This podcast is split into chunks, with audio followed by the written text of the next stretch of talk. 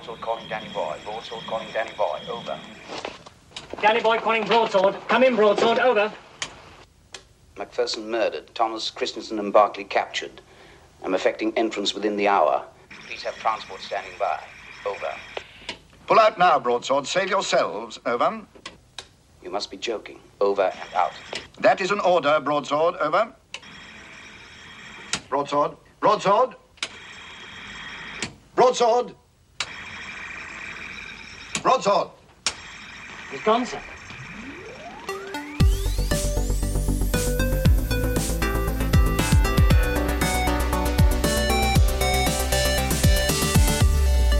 Hej och välkomna till ännu ett rykande färskt avsnitt av Ful kultur, podden från Geeks, den sedelärande och folkbildande. Höll det på att bli fel där? Ja, men är det folkbildande och sedelärande eller sedelärande och folkbildande? Ja, det är ju meningen som är meningen så att säga. Ja. Den är i alla fall båda och. Förhoppningsvis. Och vi tar, som ni som har lyssnat på Ful kultur tidigare vet, att vi liksom vänder på stenar och tittar och granskar och pratar om kulturen som finkulturen kanske fnyser lite sådär föraktfullt åt och liksom håller för näsan och bara usch, vad är det här för Harlequin-roman eller populär film eller serietidning om zombies. Det vill vi inte ha att göra med, men det vill vi. Vi tycker att den fulkulturen är den fina kulturen, så det är lite ordlek så. Ja, just det. Liksom. Det här hittas inte bara i rödvinskällare. Nej, verkligen inte. Nej. Och Eller liksom- på teatern. En teater. Ja, Nej, teatern. precis. Och också lite sådär att Ja, så det är lite ironi i titeln kan man säga. det kan man säga. Kan man Ja, just säga. det. Ja, Ja. Just det. Precis. Men det är också så att fulkultur har blivit väldigt, väldigt populärt bland folk i allmänhet. Och bland vi och nördar är liksom normalt idag. Och det hyllar vi och firar vi någonstans i den här podden. Genom att prata om både gammalt och nytt. Och just i det här avsnittet så är det kanske mer gammalt. En riktig gammal liksom, skåpmat i fulkulturella sammanhang som vi ska prata om. Eh, kan bli vårt smalaste avsnitt hittills har vi sagt. Det känns som att det är lite en nisch av en nisch. Lite så. Ja men precis. För att tackla det här ämnet så är det jag, Jakob Nilsson, som har kommit in och lite av liksom ett elitgard här av fullkulturister i form av Emil Åkered. Hallå, välkommen. I sig själv en institution. Ja, kanske? just det. Ja. Möbel praktiskt taget. ja, precis. Det har ju funnits här alltid. Ja. Ja. Och Andreas Eklöf, Ja, hej. minst lika institutionell. Det låter som man är inspärrad någonstans. Det är inte alls trevligt. Ja, nej, men du, du är lite inspelad här på kontoret kanske. Ja, jo. Nej. Ja, men du är alltid här när jag kommer. Jag vet inte, jag är ju numera Det är för han jobbar här. föräldraledig. Så att jag är ju inte här lika ofta. Men så fort jag ti- sticker in huvudet så nog, nog är du här. Och sitter och knappar på ditt tangentbord. det gör jag. Vilket är väldigt trevligt. Ja. Eh, vi börjar avsnittet med en liten incheckningsrunda som vanligt. Och tänkte kolla med er panelen. Vad har ni spisat eller förkovrat er i eller tittat på eller läst? Jag tänker att börja med en, eh, börja med with a bang så att säga. Att du och jag var ju faktiskt på bio igår. Ja, det var vi. Mm. På IMAX bio. Ja, just det. På Och så stor duk. Dunkirk. Mm. Eh, vi tänkte att det skulle, eller vi hade ju faktiskt inte tänkt alls. Vi bara tänkte IMAX, det är säkert 3D. Men det var ju 2D IMAX. Och det var ju bra för Jag 3D blev så glatt överraskad. Ja, jag också. Vi gick och letade efter, ja men får Med man inga på att den inte glasögon? inspelad i 3D så är det ju inte så Ja förvånande. men jag var bara, jag, jag hade inte funderat igenom det här ska jag jag erkänna. Men jag blev väldigt glatt överraskad när jag fick det in i ansiktet att det här är ju 2D. Ja, precis. Och jag var ju den som bokade biljetterna och tänkte liksom på man brukar få välja till 3D-glasögon om man har. Och sen tänkte jag okej, men det ingår när det är IMAX för det är så dyr biljett. Så tänkte jag. Och sen så stod det ingenting om 3D på biljetten. Så att då kom vi på det när vi satt där i salongen. Att det här är nog 2D. Vilket var jättebra för det var skarp och bra bild och man såg alltihop. Andra fördelar. ja, det var lätt att hänga med. Mm. Den är bra. Ja. Den är väldigt bra. Den, den var bra. Den var duktigt gjord. Sådär. Fin tur eh, Christopher Nolan som är regissören lyckades fånga den här väldigt klaustrofobiska känslan fast det var en väldigt öppen strand. Så, så liksom, bra komposition tänkte jag på. Och den eh, mentala skräcken som de upplevde över att vara nere i båtar. Eh, det, det tyckte jag ju gjordes väldigt effektivt. Mm. Mycket vatten också Mm, var ja. det, så kan vi Ja. säga utan att spoila för mycket. Sådär. Ja, det är ju lite för färskt för att kunna spoila sönder, tänker jag. Ja. Ja, länge, men men å andra sidan, historien har ju någon form av eh, idé om eh, hur det går, kan man ju säga. Jo. Eh, Jo, precis. Ja, men jag gillar, gillade den. Ja, det, var, det var bra. Jag hade förväntat mig att den skulle vara bra och den var väldigt bra. Så. Mm. Tummen upp. Tummen upp. Rekommenderas. Vad bra. Har du gjort något annat Emil också? Jag försöker tänka här, mm, inte mycket. faktiskt. Jag hade fullt upp, jag vet, kommer inte ihåg när jag var med sist riktigt, men jag hade fullt upp med semestern och hela den biten. Och sen så tillbaka, eh, tillbaka på jobbet. Jag har inte hunnit med så mycket fulkulturellt hemma faktiskt. Mm. Det är lite slarvat där. Tittat vidare på Doctor Who. Eh, som eh, jag fortfarande inte helt fast utan jag Nej. ligger kvar där och tycker att ja, men jag har det igång bakgrunden, inte så fokuserat. Doctor Who som vi har gjort ett helt avsnitt om faktiskt. Ja men precis, så det var lite efter det jag började titta. Mm. Så det, det har fått rulla lite i Mm. bakgrunden. Eh, Jag har även eh, försökt följa Game of Thrones som så många andra. Fortfarande inte helt fast i det heller. Jag, jag är nog mest Game of Thrones negativt på hela det här bygget tror jag faktiskt. Ja, det tror jag. Mm. Jag har svårt att, jag tycker inte det har lyft riktigt på ganska många säsonger nu. Men det, det, det finns potential i den här säsongen. Det finns inte potential i HBOs eh, app och plattform, men det är en Nej. annan Nej. diskussion. Nej. Nej. Ja, det är också, det har blivit märkbart sämre tycker jag de senare säsongerna. Inte för att spoila för mycket, men det är liksom det här med att vintern har kommit till Västerås och sådär. gör att allt är mycket mörkare. Det är liksom mera skymning och det är grådisigt överallt och sådär. Eh, Det återspeglas inte bra i HBOs eh, videokomprimeringsalgoritm. Den Nej. är väldigt fult så fort det blir liksom skumrask i bilden. Så är det, så blir det ja, fult. För har ni bara en, två svarta kulörer att leka med. ja, tyvärr. Så Dåligt. Nej, det, är, det finns eh, grova problem med HBOs tjänst Ja. i, i Sverige och i Norden. Ja. Det finns det. Så det är väl det egentligen jag har fulkulturaliserat med, med tror jag. Det är, jag önskar jag kunde säga att jag har hunnit spela en del, men det har jag inte. Nej. Eh, Finns, det, jag- finns det planer på att göra det? Ja, jag har tagit upp eh, Deus Ex Mankind Divided igen, eh, som jag gillar men aldrig kom vidare i. Eh, Så jag har gett den några timmar och tänker jag ska, jag ska eh, ta mig igenom det nu. Mm. Jag, jag tycker det är väldigt kul varje gång jag spelar. Men jag kommer aldrig till skott och faktiskt sätta mig ner och spela. Mm, just det, kul. Det är första Deus Ex-spelet från liksom 98 eller någonting. är en av mina all time favorites Mm. games. Kul. Jag gillar ju Human Revolution va, som var det förra. Ja, eh, det var spelet. väldigt bra. Det, det tyckte jag, mm, det, det var riktigt bra. Eh, så jag har high hopes för det här. Och som sagt, när jag väl sitter och spelar så tycker jag det är roligt. Men eh, det är sällan som, som det blir av, kan Mm. man väl säga. Så det är väl det. Jag har också tittat på eh, Planet Earth 2. Det får ju räknas som fulkultur också, Ja. tycker jag. Ja. Fast ja, även finkultur. Ja, det är, Det är kanske BBC ändå. gränsen. Ja. Ja, David Attenborough. Mm. Mm. Väldigt bra, väldigt trevligt. Mm. Eh, Men som du och jag var inne på, Andreas, att det är lite, det är lite neddummat på, eh, på hela vad ska man säga, informationsfronten jämfört med första serien. Det fokuserar mer på snyggt, snyggt och effektivt eh, foto Ja, än eh, informativt innehåll. precis. Eh, Det är den känslan jag fått med. Att det går inte riktigt lika djupt och inte riktigt lika mycket detaljer. Nej. Utan det är mer snygga vyer och, och å andra sidan var ju det som gjorde att första serien blev så populär. Så Ja. det är ju klart förståeligt att de valde den rutten. De Mer av samma. investerar ju en hel del pengar i den där produktionen. Mm. Och det ser ju generellt otroligt bra ut. Oh ja. eh, vissa scener som vi också pratat om eh, så märks att de är inklippta från kanske föregående eller äldre material med sämre kvalitet. Det blir en enorm kontrast när de kommer för man bara man nästan vill gå fram och skruva på de imaginära reglagen på tvn. Så vad suddigt allting blev lite så. Eh, just för att det är så de nyinspelade scenerna med hög kvalitet och det är så fantastiskt snyggt foto. När man kollar på det på en 4K-TV med HDR-stöd, eh, det ser ju Ja, ganska bra ut. otroligt bra. Ja. Mm. Ja men du då Andreas? Jo, eh, alltså jag, jag har kollat på en hel del serier, avslutat en hel del serier. Eh, bland annat Orphan Black, eh, som jag kollade klart på se, senaste säsongen nu nyligen.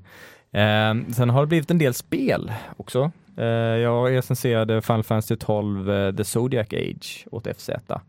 Eh, jag är ett stort fan av Final Fantasy 12 till PS2, så att, ehm, det var väldigt kul och det är, väl, en väldigt bra eh, remaster av det spelet.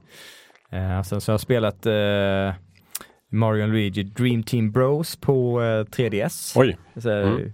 Lite lättsamt eh, RPG eh, som är väldigt, väldigt roligt. Väldigt skön humor och kul spelmekanik och sådär. mm. sprillans nytt spel eller? Nej, det är gammalt. Gammalt, ja. Ja, eh, jag jobbar igenom min backlog just nu. Spelar även ett, ett DS-spel som heter The Last Window, som är en uppföljare till Hotel Dusk med så här gammalt ehm, eh, eh, ska jag säga, eh, interaktiv deckaräventyr eh, där man ska hålla sin, sin konsol i, eh, i bokformat. Så man håller de två skärmarna upp som, som en bok ungefär, så in- interagerar man och eh, eh, löser pussel och annat. Väldigt kul. Eh, har legat i min backlog länge nu. Så jag har tagit tag i det också. och eh, håller på med några andra spelprojekt vid sidan av också. Eh, inte mycket bio dock. Det har varit dåligt eh, på senare tid med biobesöken, så det måste jag, måste jag förbättra. Mm. Mm. Har du några planer på liksom, vad blir nästa film? Eh, vi funderar på att gå på en pressvisning av eh, The Dark Tower. Ja, Eh, Stephen King. Stephen filmatiseringen. King-filmatiseringen som inte verkar Den har fått lite blandad eh, kritik kan jag säga. ja, den har ju det.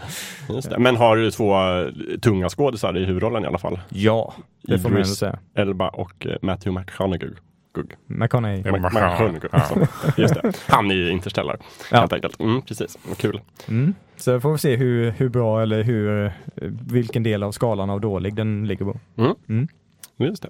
Vad bra då. Jag har ju som sagt sett Dunkirk också faktiskt igår. Jaha. Och tyckte precis som du att den var bra. Så. Men, men veckan innan det så såg jag faktiskt en annan film på bio. Nämligen till slut då Valerian and the City of the Thousand Planets. Regi av Luc Besson. Fransk regissör. Och baserad på min favoritserie Linda och Valentin. En av mina favoritserier i alla fall. Sådär. Och jag har väl sagt det i Fulkultur tidigare att jag hade lite sådär låga förväntningar på att den skulle på ett bra sätt lyckas fånga eh, originalserien. Och då kan vi säga att de låga förväntningarna stämde väldigt överens med, med just det. Så. Sen blev jag glatt överraskad av själva filmen ändå någonstans för att den var Alltså visuellt så är den ju helt fantastiskt snyggt gjord. Väldigt mycket färg och form och sådär på duken. Det var bra, men eh, överlag så bara så här, aha, nej, jag har inte tänkt på den liksom en enda gång sedan jag gick ut från Det är biosalongen. ett dåligt tecken. Förutom när jag läst om den och då har jag kommit på att ja, nej, det där var väldigt konstigt. Och liksom just så här, för att på ett sätt så kan jag förstå att när Luc Besson ska filma liksom en fransk science fiction-serie som började på 60-talet och håller på fram till liksom 2000-talet. Så blir det någonstans den här Hollywood-formen, att det måste vara mera action. Och det, en science fiction-film som Hollywoodbolag sponsrar, det måste ut i rymden och vara liksom pang-pang i rymden och måste köra genom sådana här rymdskeppet genom väldigt trånga utrymmen som i Star Wars. Och det måste låta och det måste vara väldigt mycket hopp och liksom action och sådär som inte alls finns riktigt i originalserien. Så att någonstans så får jag väl köpa det även om det är sjukt tröttsamt. Men sen framförallt så har de misslyckats helt och hållet med castingen. Alltså de två huvudrollsinnehavarna är totalt brist på inlevelse eller liksom skådespelartalang eller kemi överhuvudtaget. Framförallt han som spelar Valentin eller Valerian. Som, eh, han spelas av någon person jag inte vet vad han heter. Jag har aldrig sett honom förut. Tror inte han kommer få någon annan roll efter det här faktiskt. För att sjukt dåligt gjort. lägga ner. Ja, och sen det, jag menar, det är naturligtvis det är väldigt stolpig dialog och sådär så att det är svårt att kanske fylla de här rollerna med liv men man kan ju försöka och det känns inte som att han försöker. Hon som spelar Linda är någon form av fotomodell som har gjort lite roller tidigare. Med Cara Delevingne eller något sånt där. Ja, precis. Ja. Hon är med i Suicide Squad-filmen Ja, till exempel och spelar onding. Eh, hon är lite bättre. Marginellt bättre. För det är liksom här och där så kan man se, okej men du, där, nästan att du liksom lyckades lite grann eh, härma den här eh, i sig ganska bra kvinnliga karaktären från serien. Men överlag bara inte. Bara, vad, vad håller ni på så här? Och sen så är det hela deras story som är liksom bara så här, vad, varför Luc Besson ska du göra det så här? Och så. Det, överlag, det, liksom, det liknar inte alls känslan i serien. Känns det som att eh, nu när det blir stort och påkostat och flådigt så har lite den här känslan från typ som femte elementet att det har gått förlorat? Nej, det är väldigt mycket femte elementet-känsla Okej. i den skulle jag säga. Utan det är väldigt Luc Bessonig film. Så mycket mer än en Linda Valentin-film så är det en Luc Besson-film. Så att om du gillade femte elementet så kan du se den här och kommer tycka okej, det här är en mycket mera liksom storslagen, spektakulär, eh, effektsökande version av femte elementet. Med sämre skådisar. Eh, men snyggare för att det är 2017 nu liksom. Mm. Eh, men nej, Men femte elementet har ändå blivit lite av en kultfilm. Ja. Eh, Frågan är om den här kommer Nej. bli... Nej, jag tror inte det. okej. Utan det känns som en, liksom en, det är en dyrare version av det, men det är en billigare version av femte elementet. Mm. Liksom. Och femte elementet tog ju också mycket visuell inspiration från Linda Valentin-serien. Också, där bland annat var tecknaren med och liksom gjorde konceptbilder Mm. till den filmen. Så att, men nej, det här var inte liksom en bra, det var en halv hyfsad Hollywoodfilm, men det var en väldigt habil tolkning av Linda Valentin-serien. Och eh, då fick jag mig också tänka på den här Ghost in the Shell-filmen som jag också såg ganska nyligen. Såg en jättebra video om det på Youtube där man pratar just om hur man eh, översätter. Liksom. Det kommer vi komma in på lite nu efter med tanke på dagens tema Mm. i avsnittet. Hur man översätter liksom, verk, böcker och serier till film. Och hur man gör det, kan göra det bra och hur man kan göra det dåligt.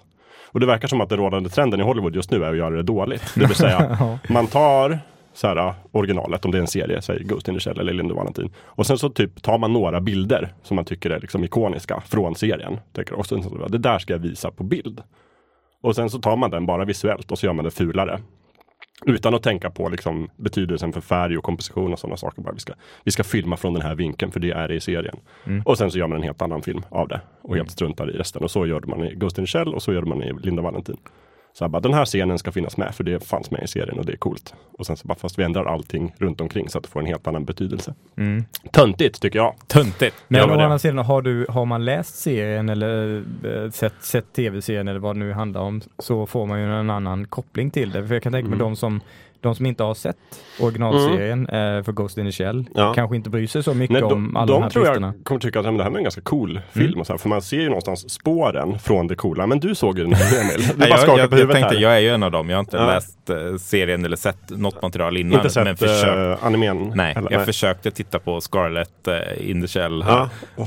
Och eh, jag såg väl kanske en tredjedel. Sen så tröttnade jag. Jag. Jag vet Mm. inte, och jag gillar ju verkligen, jag kan titta på riktigt dåliga science fiction-rullar bara för det är science fiction. Mm. Ja. Mm. Eh, för att jag gillar effekter. Jag kan sitta och mysa bara i, i dåliga effekter. Ja, lite så. Eh, men här, jag vet inte, det var bara, alltså det här, det här är bara jobbigt. Var Ja. lite så. Det känd, Allting kändes så fel och det skavde på konstiga Mm. sätt. Jag kan inte sätta fingret på vad, men men samtidigt har vi då en av våra eh, moderatorer på, på Sweclockers eh, Nordnet som igår skrev att jag såg den här och den var ju så överraskad. Jag blev så glad, den var så bra. Ja. Och jag, jaha.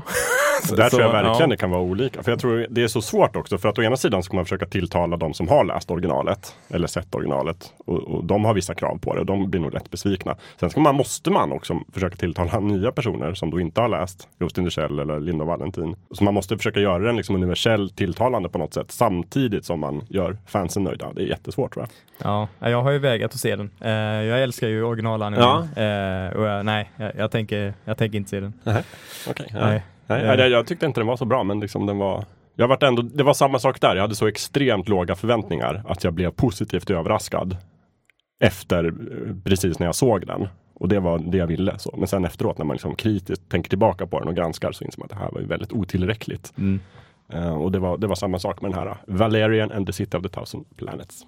Så, men, men om du gillar bara effekter och, och eh, sci-fi så kanske du ska se den Emil. För att då tror jag du kanske ändå kommer se nästan hela Ja, i alla fall. Ja. Ja. Jag väntar till den kommer på någon form av fysisk media. ja, men det tycker jag låter bra.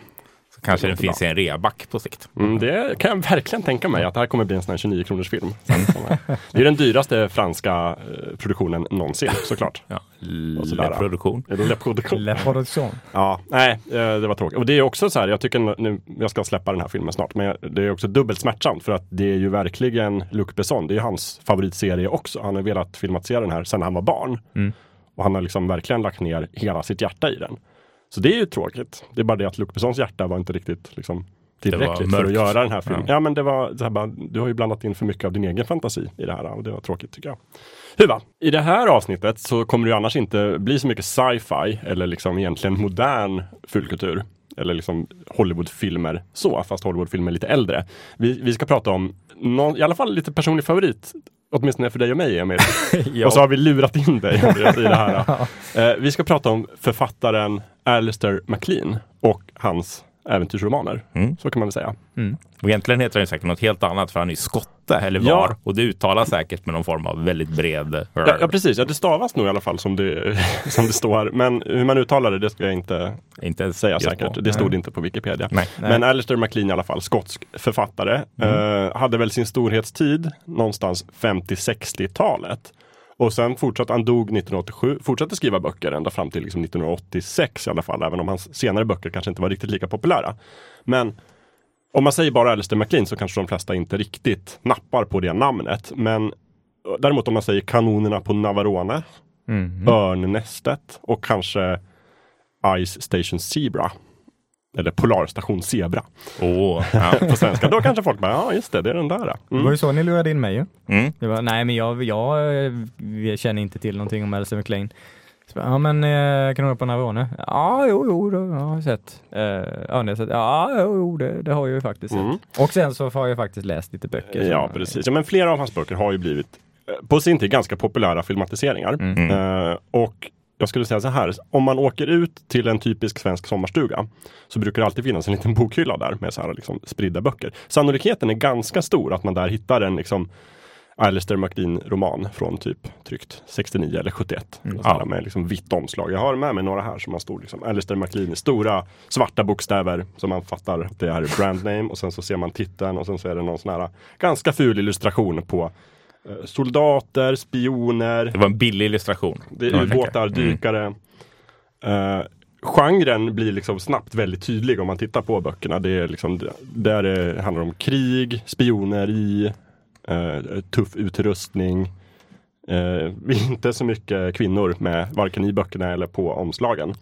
Nej, och de kvinnorna som är med, de har eh, ofta eh, ganska generella roller. Eh, ganska begränsad med karaktärsutveckling Precis. också. Mm. Sådär. Lite mm. bli räddade rollen ja. Eh, kan man väl säga. Även Lite om det finns undantag där med, med, med, med ja, böcker där det är mer det finns, Men det är också sådär, i någon av böckerna, jag tror det är Natt utan slut, så finns det en kvinnlig karaktär som visar sig vara riktigt driftig och så här, hon kan ta initiativ och hon kan liksom typ någon gång skjuter hon med vapen och huvudpersonen blir så förvånad och imponerad. Han bara så wow, det här hade jag verkligen inte väntat mig.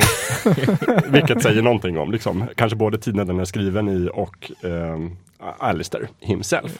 Ja, han eh, Ja, man ska, mm, just det.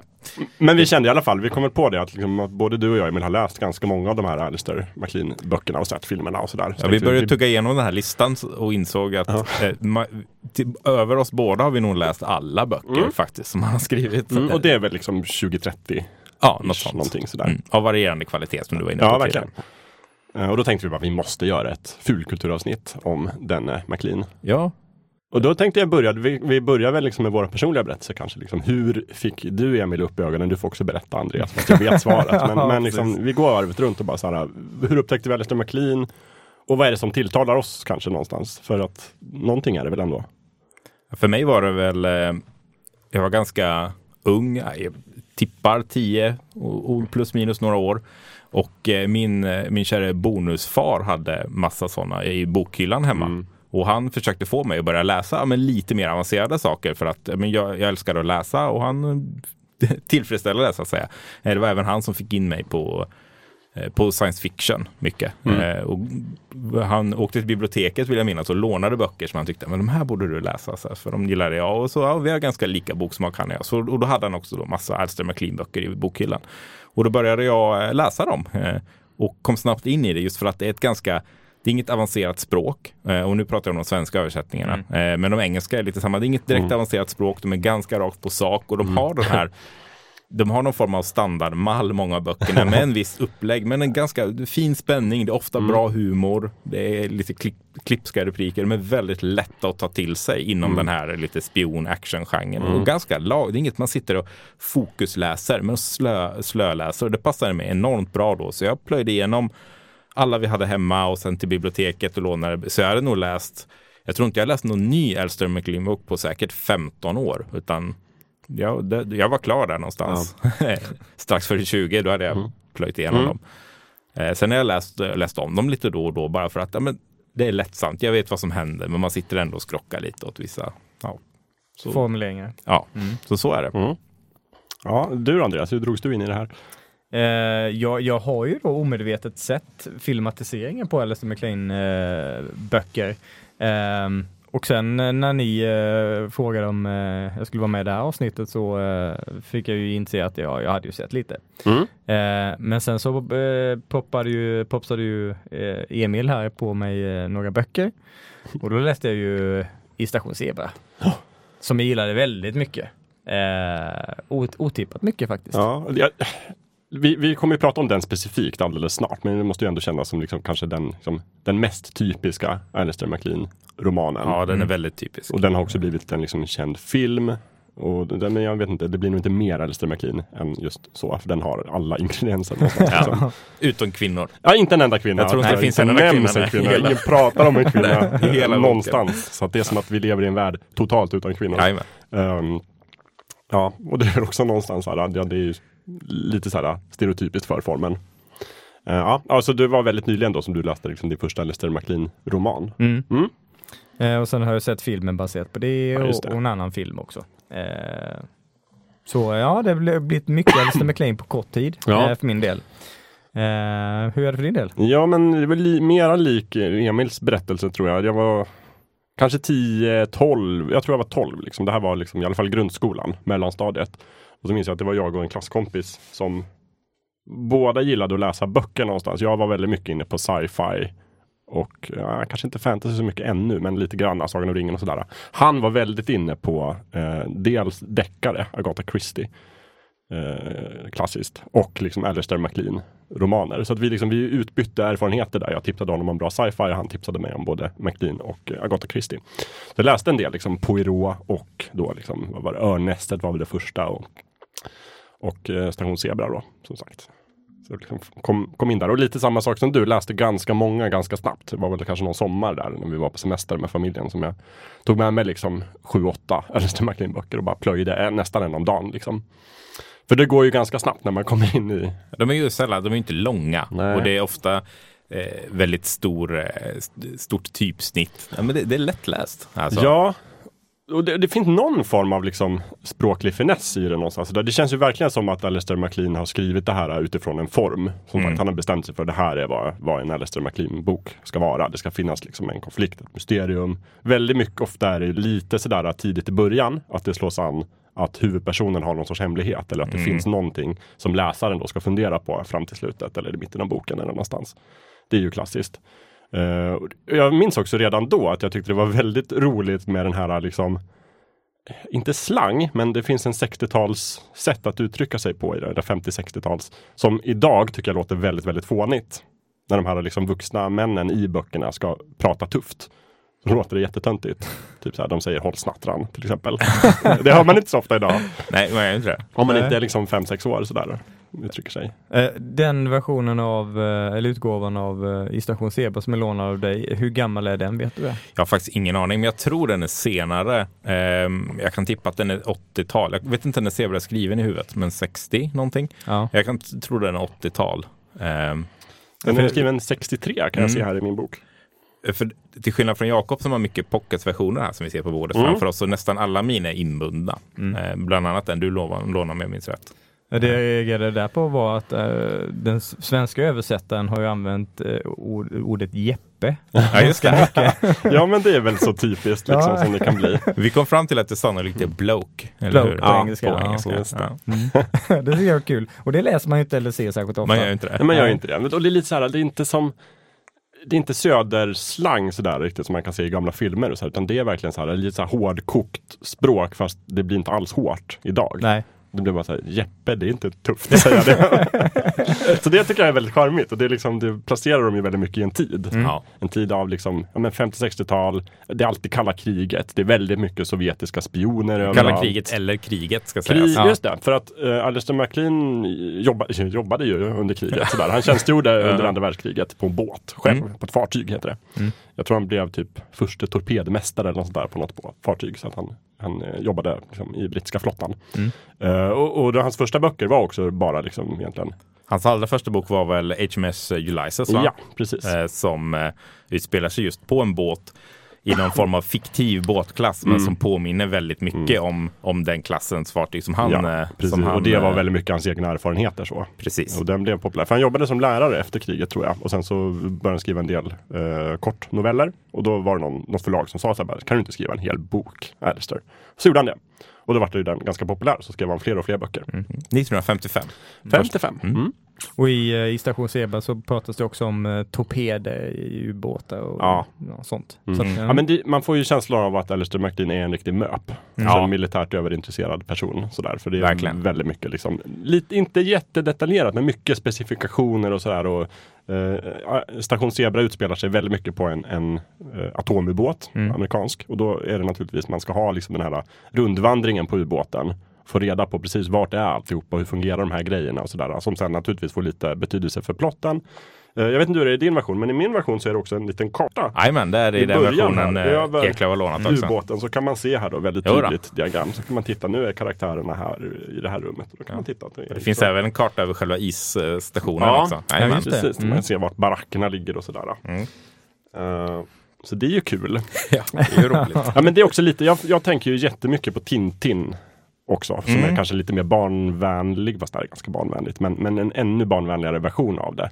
Där Hercedo, tecknaren, jobbade lite på samma sak. Till exempel i, när månen tur i retur så finns det också en, en skiss över själva raketen och sådär, hur man ska försöka förankra fiktionen i någonting som är påhittat. För den här ubåten finns inte på riktigt heller, men är väldigt, väldigt trovärdig. Mm.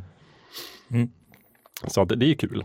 Mm. Och det är liksom, han skriver mycket om vad det är för typ av vapen som personen håller i. Vad är det här för pistol? Ja, det är inte bara en k-pist Nej, det är utan en- det är en specifik... Ja, eh, det är en Walter PK38 eller en, En vad de heter, en Browning och sådär. Mm. Det, det är, Är det inte en eh, eh, Peacekeeper är det väl i åtta glas? Ja, det väldigt kan det vara. viktigt att det är, vill jag minnas. Ja, Och det är väldigt så här, ja, den kulan från den där lite sönder och så vidare. Ja, man ska veta att det är, det är inte bra. Nej. Det Inte bra. Alla vi har ju läst Ice Station Zebra. Mm. Eller, på, på svenska heter den bara Station Zebra, boken. Och jag tror att filmatiseringen som är från 68 heter Polarstation Zebra svarar inte. Dö, dö, dö. Dun, dun, dun. Och på engelska heter nog båda Ice Station Zebra. Jag tror det. Mm. Eh, du har läst boken ganska nyligen också, Emil, eller? eller Ja, du det den har jag gjort. Men jag har läst den väldigt många gånger Mm. eh, över åren. Den typen sådana som du var inne på. Men go-to, för den är, den är, den är fyndigt skriven. Ja. Den är ganska mysig att läsa. Mm. Så eh, ja, jag har bra koll på den. Och vill man bara smaka på Alistair MacLean, då tycker jag väl, då kan man väl ta den. Mm. Fast Den nu eller, kommer vi i och för sig prata om den ganska mycket, så vi kanske kommer spoila den, så vi kanske ska ta någon annan som första. vi kan ju avsluta med någon liten rekommendation på de Ja. typiska Alistair-böckerna. Mm. så kan man välja och vraka. Mm. Det låter bra. Men, eh, och, och så har de gjort en, en filmatisering, som sagt. Mm. Eh, och den kom några år senare. Boken kom 63, filmen kom 68. Båda blev po- väldigt populära. Eh, multimiljonären Howard Hughes, som spelas av Leonardo DiCaprio i den här filmen, The Aviator. Det var hans favoritfilm, Åh. vet jag. Eh, Mhm. hans sista tid i livet så stängde han ju in sig i sin stora mansion. Och då sägs det att han, liksom, han loopade den här Ice Station Zebra-filmen i sin privata biosalong. Gång på gång på gång och såg den 103 gånger innan han, han gick bort. Så att han älskade den.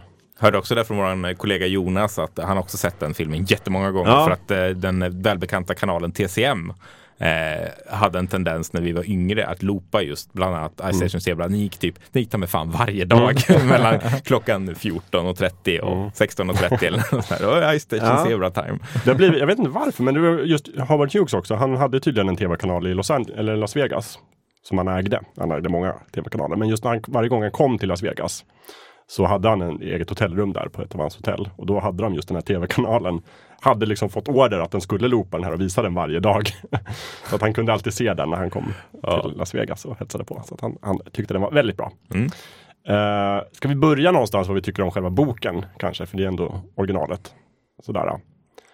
Eh, Jag gillar den boken. Jag tycker den, som jag är inne på tidigare, den, den är en typisk Elser-bok. Den är väldigt lätt att ta till sig. Eh, Den har lagom antal skal av, av eh, förräderi och eh, olika som, som bygger på varandra. Och det är inte förrän på slutet som allting blir utrett. För det är också en klassisk Elster-grej när, när hjälten då eh, ska samla alla i någon form av rum och då förklara hur det ligger till. Mm. Just det är också en sån. Det är väldigt många böcker som är så. Lite who done it. eh, Ja men precis. Och, alla, och så ska man säga, åh vad fyndig han är som har räknat ut det här.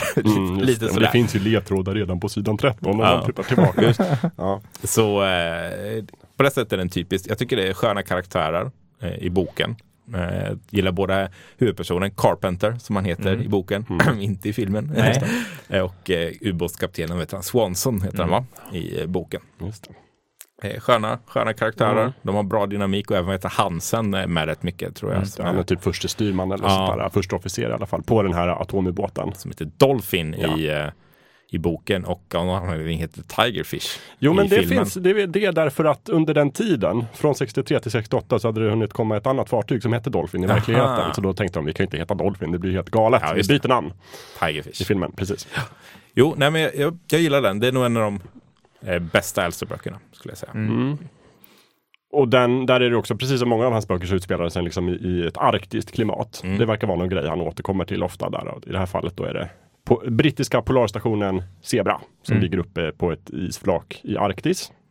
Som då har slutat att svara på radiomeddelanden. Mm. "Nå, Någonting har hänt. Och sen så fångar de upp lite nödrop och då blir det då den här amerikanska atomubåten som får åka och försöka rädda Mm. eh, de väldigt fredliga forskarna på den här stationen. Det. Men någonting pågår liksom bakom kulisserna och det vet den här Carpenter. Han, har, han vet vad som pågår. Men han får åka med då, han är brittisk eh, supermänniska på något sätt. Och kan allt. Han får åka med på den här amerikanska som det är eh, ubåten Mm. då, Dolphin. Och det är faktiskt värt att nämna att eh, jag har ju läst på engelska och svenska. På engelska och speciellt i filmen så framgår det ju mycket mer att han är britt, Mm. Carpenter. När man läser den på svenska, och det gäller nog alla läsare böcker, alltså de flesta är ju britter, många är Mm. ju britter. Eh, Men det, det framgår ofta dåligt i de svenska översättningarna. Det är svårt Mm. att översätta engelska så att den låter brittisk på Ja. svenska. Ja, och då blir det så här, då får man skriva det så här, han är britt. Precis. Och sen Men så när kan man lätt glömma bort det. läser i huvudet så t- skulle han lika gärna kunna vara amerikan. Det är, det är liksom, Ja, de, eh, de skriver ju så här, det är en karaktär som säger gamle gosse hela tiden. Och det, det är ju så här typiskt, där Ja. har de försökt plocka in det, det brittiska. Old chap. Ja, Old chap, just precis. Eller farbror Arthur som är en annan. Han är väldigt brittisk. Ja. annan bok. Just det. Eh, Precis. Och då är det just mycket, liksom, i alla fall första halvan av boken utspelas just mycket på den här ubåten. Och liksom, det, det märks tydligt att atomubåtar är det nya tuffa. Mm. 63. Mm. Att det är liksom, den är så förvånande stor och bekväm för att vara en ubåt. Det är inte alls som de här trånga klaustrofobiska andra världskrigsubåtarna. Utan här lever de, de här riktigt duktiga och dugliga eh, skeppsgossarna på ubåten. Mm. Fint och liksom de har äter ägg och bacon till frukost. Och, Ja, Håller på. och det, är så här, det är fint målat och mjuka färger Ja. och det är bra belysning och allting är så... Oj, oj. Ja, det är. Ja, det, det är väldigt hyllande till eh, dels eh, ubåtspersonalen men även själva hårdvaran, eh, ubåten i sig. Mm. Mycket beskrivning om hur förträffliga de är och vilka erfarna, kompetenta sjömän Ja, oh ja. de är och Mm. vad, exakt vad den där ubåten kan klara av och den kan smälla igenom isen för den är ju, åh vad bra den är. Jajamän. Och, så, och det läggs ganska mycket tid på det också i början just det här att hur, hur huvudpersonen så här subtilt noterar att oj, de här personerna, de är inte att leka med. De, Nej. är, de är väldigt trevliga och snälla, men under ytan så skulle de kunna liksom rida nacken av vilken spion som helst. Ja. typ sådär. Ja, de ser stora och, och tjocka ut, men det är muskler. Jajamän. Ja. Mm. Så det är kul. Och det är också skrivet, men just så här att han är lite, så han leker lite med språket. Och det blir väldigt mycket liksom, lite dubbla negationer och liksom just här, när de här, när Carpenter och besättningen som ska vakta honom innan han har liksom fått grönt kort och gå på båten. Så liksom sitter de och tuppfäktas lite genom och så här, vem vet mest om underrättelsen? Liksom, vad, vad händer på Östersjön Zebra? Och, och Carpenter vet jättemycket om atomubåten och hur kan han veta det? Jag bara, jo men jag är expert. Ja, just det. Han är ju läkare i början. Mm, ja, precis, för att just det, vara just det. expert på arktisk Mm. eh, köldskador. Här, vill jag minnas. I boken. Men eh, det som du sa där att eh, det antyds i början att eh, allting inte riktigt är som, som Mm. det verkar med herr Carpenter. Eh, om man har läst andra Alistair MacLean-böcker innan så tror jag att man ganska lätt snappar upp det. Ja. Men jag som läste den som, som första bok tyckte liksom att ja men eh, ja, han är någon läkare som tydligen har något något, något uppdrag vid sidan av det. Mm. Men jag uppfattade inte att, han, att det var något så här lut med honom. Nej, Eh, först, först det senare i, i boken börjar uppdagas att ah, okej, det är lite andra saker som pågår här Mm. eh, bakom kulisserna. Vilket blev väldigt effektivt Ja. här, narrativt. Eh, för det. det är, det är mycket som kastas på sitt huvud. Mm. I början av filmen så är det ju väldigt mycket liksom en så här dramatisk eh, berättelse om att de ska hitta den här eh, Ja. i stationen och mycket det här hur isen och kylan Mm. eh, och de eh, polianerna, eh, Ja, det. säga det i plural, eh, de, ska försöka hitta de här tunna isbitarna Mm. eh, eller öppna isområdena eh, så att de kan komma upp i, i Mm. ubåten. Det är väldigt mycket fokus på det. Ja, det är ett långt avsnitt i boken som är, handlar bara om det. Ja. Och man får veta i Mm. detalj hur det fungerar med de skannar isen. Och, ja. Ja, och då hur utsatta de är när de väl går utanför ubåten och ska försöka leta upp Mm. i stationen och sådär. Och sen så när de väl kommer till i stationen, då skiftar det och blir ganska annorlunda berättarmässigt Mm. eh, vad det fokuserar på. Och sen skiftar det ju igen. Ja. ja det, det är mycket sånt. Mm. Ehm, så att, eh, men jag tycker det var, det var ganska intressant hur det, det, det berättarmässiga eh, skiftar så pass mycket och hur, hur bra de olika delarna är på olika sätt. Mm. Eh, för det, det är en ganska dramatisk berättelse fram till de kommer fram till isstationen och Zebra. Eh, och sen blir den bra på ett helt annat sätt. Då blir det lite mer fokus på personer och fokus på små intriger snarare än på de här stora. Eh, man glömmer nästan bort ubåten lite. Ja. Ja, men precis. Det är någon sekvens ganska tidigt i den boken som jag tror att man, man ganska lätt kan missa om man inte läser uppmärksamt. Och där är det väldigt tydligt att Carpenter har någonting fuffens. För det är när han ska liksom förklara varför han får vara med på ubåten. Han har fått order från typ NATOs högsta general. Eller någonting sånt där. Mm. Men den här ubåtskaptenen han accepterar inte det. För han har minsann ansvaret för sin ubåt och han tänker inte släppa på vem som helst. Och då ska han ju liksom, han låtsas ju att han liksom tvingas förklara sitt verkliga uppdrag. Men då säger han ju också liksom till läsaren att så här, det här var bara en lögn som jag drog upp, liksom, hittade på nu. Mm. Där han liksom, okej, då accepterar de honom och släpper på honom. Så där någonstans etableras det ju ganska tydligt att han är, att han har någonting annat. Men, men missar man inte det så tror jag då kan det gå ganska länge innan man liksom förstår att men du har en annan agenda här. Som är. Men det är ju också typiskt för McLean att han liksom han slänger ofta ur sådana där liksom, ledtrådar ganska tidigt. Att det pågår någonting här som, som jag inte tänker berätta om. Det tänker jag inte berätta förrän i slutet. Men läser man en annan eller Mm. Sam bok efter det så eh, kommer man nog ganska tidigt säga ah, där, där, där är antydan. Ja, alltså när jag läste Station Zebra så var, jag hade blivit jätteförvånad om det var så att, att, att han var precis den han sa sig vara. Eller liksom att Ja, han nej. var precis straight. För det är det ju aldrig.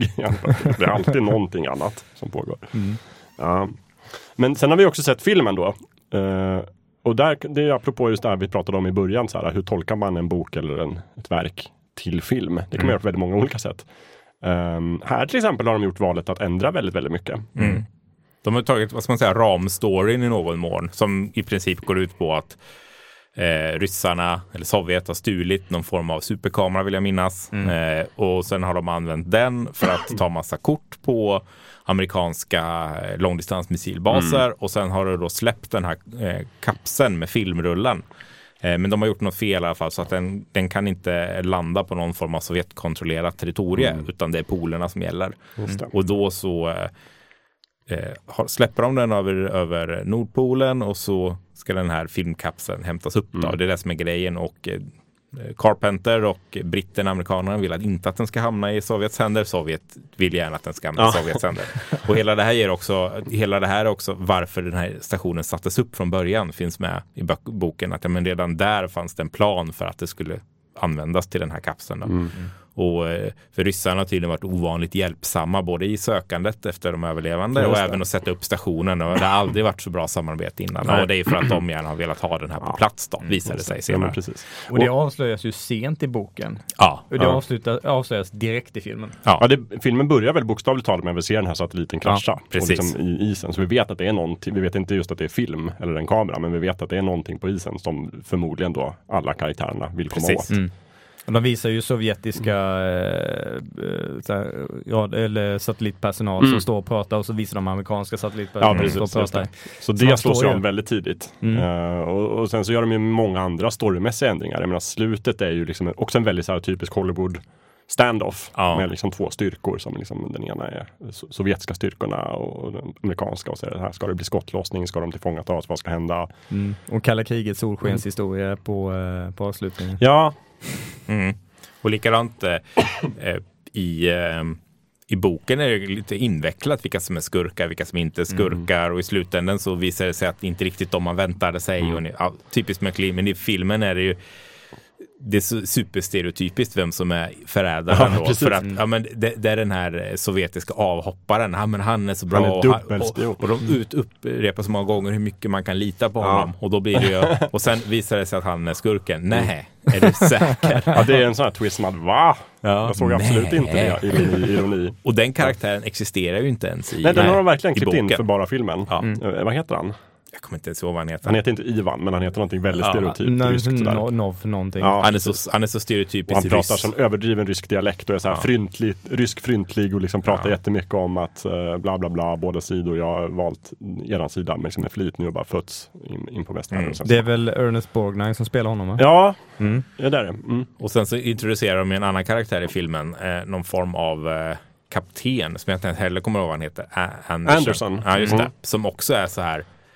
Det, det läggs upp som att han ska vara skurken och det gör det så uppenbart att han inte är det. Nej, Eh, han är bara en reko-officer liksom. Så filmen är mycket mer uppenbar och mycket av de här subtila grejerna från boken, de Mm. här lager på lager med, med för, förräderi, det finns, det finns inte i filmen. Nej. Den är avskalad ner till något ganska simpelt Ja. kan man säga. Och ju längre det går desto mer avviker storyn i filmen från boken. Mm. Och egentligen allting som händer på isstationen är Annorlunda. annorlunda. Ja. Ja, men också hela just det här att Kapten Anderson är eh, liksom den här som de hittade och, eh, chefen för ett marinkårskompani som är på ubåten som inte heller finns med i boken. Nej. Så de har liksom en hel trupp soldater med sig. Ja, liksom också för att vi måste kunna ha den här Hollywood-slutet Mm. där vi måste ha en massa soldater på Hur Arktis. ska vi få med dem? Ja, Ja, i, I boken är det fyra personer eller något som går till den där Ja, ja precis. Och det är Ja. ju inte, ja exakt. Så att, lite annorlunda kan man säga. Mm. Men också just det här eh, standardmallen för hur man gör en Hollywoodfilm. Man måste ta bort liksom det subtila och, och kluriga i texten och sen så gör vi det väldigt visuellt och Mm. liksom actionbetonat istället. Mm. Och det jobbade man tydligen med redan 1968. Är det inte så också till och med i boken att eh, han, heter Halliwell som han heter, Ja. eh, det är Carpenters bror. Visst är det så? Ja, Eh, så det är ytterligare ett lager av eh, varför han så. Personlig, blir väldigt personligt investerad i det här. Att Just han, det. Halliwell är han som är på stationen som Mm. de ska söka efter. Ja, Precis. Han är stationschef och han är en av de få då, som, i, om vi ser boken nu som vet om vad det egentliga syftet med stationen är då att de ska plocka den här, eh, den här filmrullen. Mm. Eh, I boken så är det, eller i filmen så är det att nej, det är en vanlig station så har de flugit dit de här människorna lite i sista sekund då, för den här filmrullen. Så det är inte, Mm. det, återigen hela det här den här long con grejen att vi har byggt stationen mycket för det här. Mm. Eh, Det, det finns inte. I, Nej, Nej, och sen my- mycket av den här uppbyggnaden, det är ju ofta ett problem med när film, eller böcker ska bli filmer, att den här uppbyggnaden som beskrivs inte får utrymme i filmen. Eh, till exempel här med när de eh, ska åka till i, i station Zebra och de färdas under, under isen och de försöker leta upp eh, öppningar i isen och de, de, de oj, ojar sig över att ja, den här öppningen kommer bara hålla sig öppen och den, liksom, den sluter sig eh, Mm. runt oss och är ni vä- iväg för länge så kommer den kanske antingen eh, liksom frysa fast i, i eh, ubåten eller måste vi liksom gå ner medan ni är Mm. ute i, i, i den farliga kylan. Mm. Det hoppar de ju över ja. nästan helt. Ja, Den skruvar ihop sig och sen åker båten iväg. Men Ja. det blir inte så mycket mer av det i filmen. Nej. Det är mycket mer intensivt. Och i Sen- boken sen går de ju också upp- tillbaka hela vägen. Ja, just det. Eh, Gör Ja. de till ubåten. Ja, i filmen så är det verkligen liksom fem meter ifrån stationen som Ja. de går upp Mm. sen. Just det, Ja. Jättebra. Men det gör de ju faktiskt i boken med. Ja, det är så. I slutändan Ja, ja, så går de upp eh, precis bredvid stationen. Mm. Mm. Det är bra. Så lämpligt. Mm. Det gick. Nej men däremot så tycker jag om den också ganska långa biten i filmen när de visar hur, dels hur ubåten letar efter ett ställe att gå upp på. Mm. För det är väldigt lite dialog, det är väldigt mycket så här blippande eh, radarutrustning och sådär. Och de håller på jättelänge, vilket känns typiskt för en 60-talsfilm. Så här, ja, men vi kan lägga 20 minuter på den här scenen, det är inga problem. Eh, Men jag tycker ändå det är spännande på något Mm. sätt. Och sen hela den här scenen när en okänd sabotör har liksom förstört torpedöppningarna så Mm. att ubåten riskerar att svämmas Ja, men över. den är bra gjord. Den tycker jag är jättebra gjord i Mm. filmen. Det tyckte jag var så här, oj vad oväntat och vad spännande. Den är väldigt bra i boken också, men Ja. den är väldigt bra filmatiserad. Mm. Verkligen. Mycket vatten och Ja. liksom så här, oj oj oj. Och folk som får panik och nästan dränks. Och liksom, Mm. de, Men de det sker ju kämpar. mycket tidigare i filmen. Ja, Ja, eh, är det. än i Mm. boken. Och sen Ja, i, i boken kan de ju förklara mycket exakt hur illa, illa eh, de ligger till Mm. eh, när, när håller på sjunker. Eh, i, I filmen gör de, visar ju också det att de, de, de sjunker till extrema djup och så, ja det är 40 tons ja tryck precis, per nästan så kvadrat. att skrovet inte kan ta Ja. Ja, trycket. så att Mm. de gör ju det bra i filmen Mm. men det blir mycket, mycket mer detaljer runt det i boken så att man verkligen känner att oh, nu ligger de pyrt till. Mm. Eh, och hela den här eh, brandutvecklingsbiten. eh, Ja, just det. Det finns ju inte ens med i, Nej. i... Nej, man får inte se någonting. Filmen slutar ju för att den är ju klar när de är kvar på isen där, har Mm. sin stand-off och allting. Medan i boken fortsätter ju historien även efter de har åkt Mm. Från isstationen. För att det är ju där som de sista sabot sabotörerna gör sitt. Mm. Och det är jätte, visst är det in, så invecklat att de har gipsat in den här jäkla filmen i någons, i någons gips, Mm. på någons ben, eller hur? Ja. Som de, sen, som de sen bryter ut i boken. Och, ja. Och så har de bytt ut negativen i själva kameran. Ja, så att ryssarna tror ju, eller sovjeterna tror ju att de har liksom vunnit och fått tag Mm. på filmen. Och sen så när de framkallar den så kommer de få sig en, liksom en rolig överraskning. Men de får, det är massa Disney-figurer. Ja, Ja, exakt. Från sjukrummet. Ja, från sjukhus. Så det är ju en helt annan, ett annat slut faktiskt än i filmen. Ja. Där det slutar med att ja, men ingen får det här värdefulla för de spränger den. Liksom. Ja. Så att det blir liksom standoff. Men jag tror att i, i filmen är det också upplagt som att Eh, nej men den här filmen har även massa bilder på sovjetiska missilbaser, för det blev så. Det finns ju inte i boken. Där Nej. är det ju, amerikanerna har inget intresse av filmen, de vill bara att den ska försvinna. Ja, precis. Det lyckas de ju med då. Ja. Så det är lurigt. Mm. Ja, men det, är, alltså, det, det är en väldigt så här, 60-talig film på väldigt många sätt, men den delar inte så mycket med boken som man kan tro. Nej. Det är ram, ramhistorien, men det är ungefär det. Mycket detaljer som är annorlunda. Ja. Och då ska vi också säga att alltså, Alistair MacLean, han var ju själv inte inblandad i filmatiseringen av den här. Men han skrev ju filmmanus till flera andra av hans böcker, bland annat Örnnästet. Och jag är inte kanonerna på Navarone tror jag, men han skrev ju en hel del filmmanus Ja. också. Så att han, var ju, han hade koll på hur man liksom kunde göra om hans berättelser till film. Men det är ju senare, Örnästet var senare, eller hur? Eh, det var nog senare ja. Ja. Örnästet var väl så, och nu tar jag huvudet, jag har läst, läst någonstans, så här, det kan vara fake news, eh, men att han, vad heter han? Eh, Richard Burton, hans son tror jag, eh, frågade Aston McLean om inte han kunde tänka sig att skriva ett filmmanus som passade Richard Burton. För han, eh, ehm, och då skrev han Örnästet, så han skrev boken och filmmanuset samtidigt, parallellt. Så att det är därför boken är så väldigt lik filmen, för att han skrev dem samtidigt. ja båda gjorde 68 ser jag här. Så Ja. det var ju samma år då som Zebra kom. Mm. Också, så då var jag upptagen med det förstås. Precis. För då var det, det var många filmatiseringar på gång då, men, men han, Richard Burtons son, eller om det var Richard Burton själv, ville ha en specifik typ av hjälteroll. Då, och då frågade de eh, McLean om inte han kunde tänka sig att lösa det. Och då gjorde han det och skrev Örnästet och så eh, filmade de den. Eh, han var ganska sjuk som jag fattade när jag läste om Richard Burton. Han var ganska eh, storrökare och ganska risigt skick. Så, ja, han kände väl att han ville göra den här grejen liksom, innan hans filmkarriär började dala på riktigt. Så, och det är ju Örnästet, som vi ska, det är ju en väldigt bra bok och en väldigt bra film. Jag såg den nu Oh, ja. i, veckan eh, också, bara för att ja, du tittade på den här. Så det är fortfarande, den håller bra. Den, den är väldigt hårdkokt och väldigt, väldigt nischad åt vad den är, men det, eh, det är en bra film. Snyggt filmad och bra Ja. skådespelare i Just det. och Clintan är ju med också. Ja, Clintan. Clintan. Löjtnant Morris Schaffer. då. Mm. Ja, den det. amerikanska eh, medlemmen i det här brittiska gänget. Han gör en väldigt bra roll där faktiskt. Ja. För Örnästet är, då är vi andra världskriget. Mm. Och då är det just det här, liksom, de ska, vad är det, de ska inta, det var länge sedan jag såg den och länge sedan jag läste den, de ska inta det här, de ska borgen. rädd, rädda en amerikansk amerikansk, general eh, som har blivit då eh, tillfångatagen. Men det är ju givetvis också lager på lager, så Ja. egentligen är det ju inte generalen. finns ett annat hemligt uppdrag och så vidare. Ni som har sett, eh, inte har sett Örnästet kan ju säkert bli lite spoilade nu av den här filmen. Mm, Men den är ju så pass gammal så det ja, kan jag man tänker ju... att ni har ju haft 40 år på er och lite till så att det kan ju vara dags. Så, Fast jag tänker man kanske också blir sugen nu av det här avsnittet Mm. på att Ja, titta på någon ja. gammal och då tycker jag ändå man kan njuta av den även fast man vet plotten. Jag, Ja, jag, verkligen. För jag har ju läst böckerna ofta, så jag vet liksom vändningarna någonstans. Ja. Och ärligt talat, man kan se dem ganska tydligt om man har sett andra filmer. Så man Ja. vet så här, den där personen är förmodligen skurk. Ja, det var han. Även om det i Örnästet faktiskt är lite mer subtilt Mm. eh, vem som är skurk och vem som inte är skurk. Och det kom ju en eh, vändning i slutet eh, där så blev jag funders, eh, fundersam, bara, ja men är det verkligen så? Ja. Och sen så bara, nej det var inte så. Nej. Men eh, jag kunde bli lurad ändå. Så att det, det görs ändå eh, på ett bra sätt. Mm. Eh, man, man, kastar curveball så man, man ska tro något annat och sen så visar det nej men det var precis som vi trodde innan. Det är väldigt mycket effekter där också. Sprängs mycket saker. Oh, ja. Och det kan vi väl hoppa tillbaka till Zebra, det pratade du och jag om innan. Tänkte du på den här flygscenen jag pratade om? ja. Den är väldigt lång. Den är, väldigt, väldigt lång.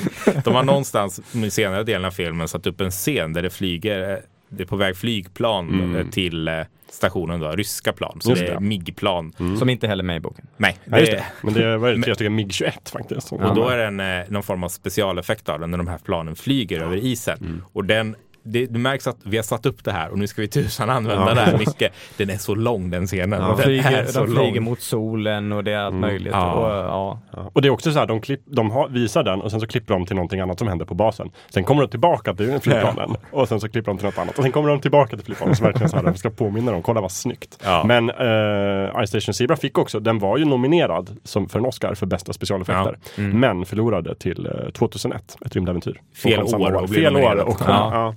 Annars så det är ju bra effekter i den. Jo. Men, Men det De var ju vill gärna visa upp 60, det. 68 också, det, det är imponerande Ja. för Ja. den tiden. Men jag säga. även eh, Örnästet har ganska bra effekter för sin tid. Det är mycket, mycket f- snygga modeller. En del ser ju väldigt modell ut förstås, men det, det, det är bra gjort. Eh, ja, men det, det är en film som verkligen håller och som jag rekommenderar att man kan titta på även idag. Man går in med liksom rätt eh, inställning att ja, men den här är gjord på, på 60-talet och det är, det är vad det är, lite så. Ja, och det, det som stör mig mest tror jag, som jag kan njuta av en gammal 60-talsfilm sådär, men det, jag har inga problem med effekterna egentligen. De, de ser bra ut, mm. det är tydligt att det är fake och det är modeller och sådär, men ärligt talat, de allra flesta moderna filmer är också väldigt tydligt när saker är datagjorda, så jag har inga problem med det. Däremot tycker jag att tempot är ju liksom det är ganska långsamt ibland. Ja, det är väldigt jag så här, menar. men vi kan ta den här tiden. Var ska tittaren ta vägen? Det är inte som att det finns annat att göra Nej. på 60-talet. Bara du kommer ju vara här och titta på filmen. Typ, nu ska Idag vi så- klättra upp för det här eller göra det här. Då Ja. ska vi se det, varje steg Ja men faktiskt. precis. Och idag är det så här, bara, okej men jag tar upp min mobil under tiden och kollar Ja. lite. Det, så att det, det är en annan som berättartempo. Fast jag, jag kan sakna det faktiskt. Ehm, det där att filmerna låter sig ta tid till att etablera en känsla eller en karaktär Mm. eller en grupp. Många nya filmer, de ska, de ska hinna med så mycket. Även om de är liksom två timmar och 30 minuter Mm. långa ska de hinna med så mycket. Mm. Så att de, det, varenda scen, varenda karaktär får Mm. en, en liten tidslucka. Ja. Sen måste vi gå vidare till nästa grej. Jo men absolut, det håller jag med om. Men det är någonstans, det är andra, liksom, den andra extrempunkten. Mm. Att inte hålla med det. nu, jag är helt klart för att karaktärsutvecklingen ska få tid. Mm. Och sådär. Eh, Men det här är mera så här, ja, men som just så här, den här farliga bestigningen av berget ska vi visa väldigt länge. Det är inte så mycket karaktärsutveckling, det är mer så här, vi ska försöka behålla den här spänningen länge. Och sen Mm. så tappar man den om man är en lite så här otålig tittare.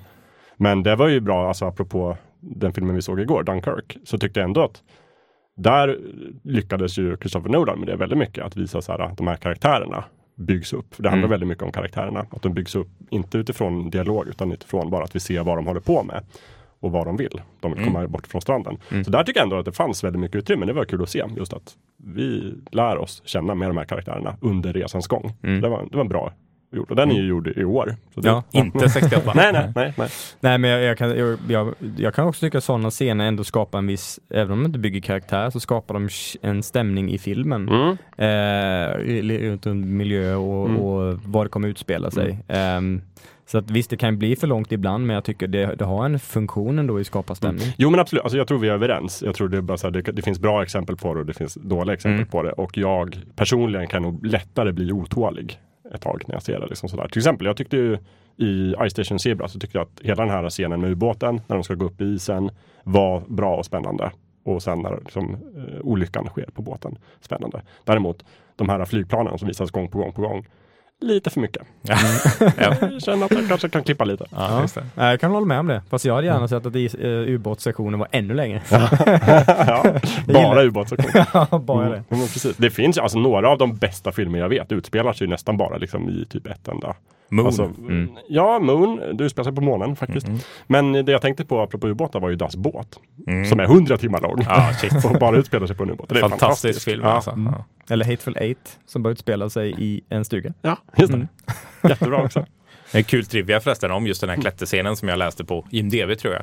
Att eh, Richard Burton var ju som sagt lite sämre fysiskt. Så när de klättrar upp för den här, så när han kommer upp så ser han ganska fräsch ut. Han bustar och stånkar, men han, han ser liksom helt, helt fräsch ut, inga problem. Men när Clintan kommer upp så ser han fullständigt, han ser ut som ett vrak när han kommer upp. och då så är det, var det tydligen så att Burton, han insåg att det här går inte, så han har kört med kran. Så de har plockat bort det i post sen. Medan Clintan bara, nej, så han har klättrat själv. Vad fint.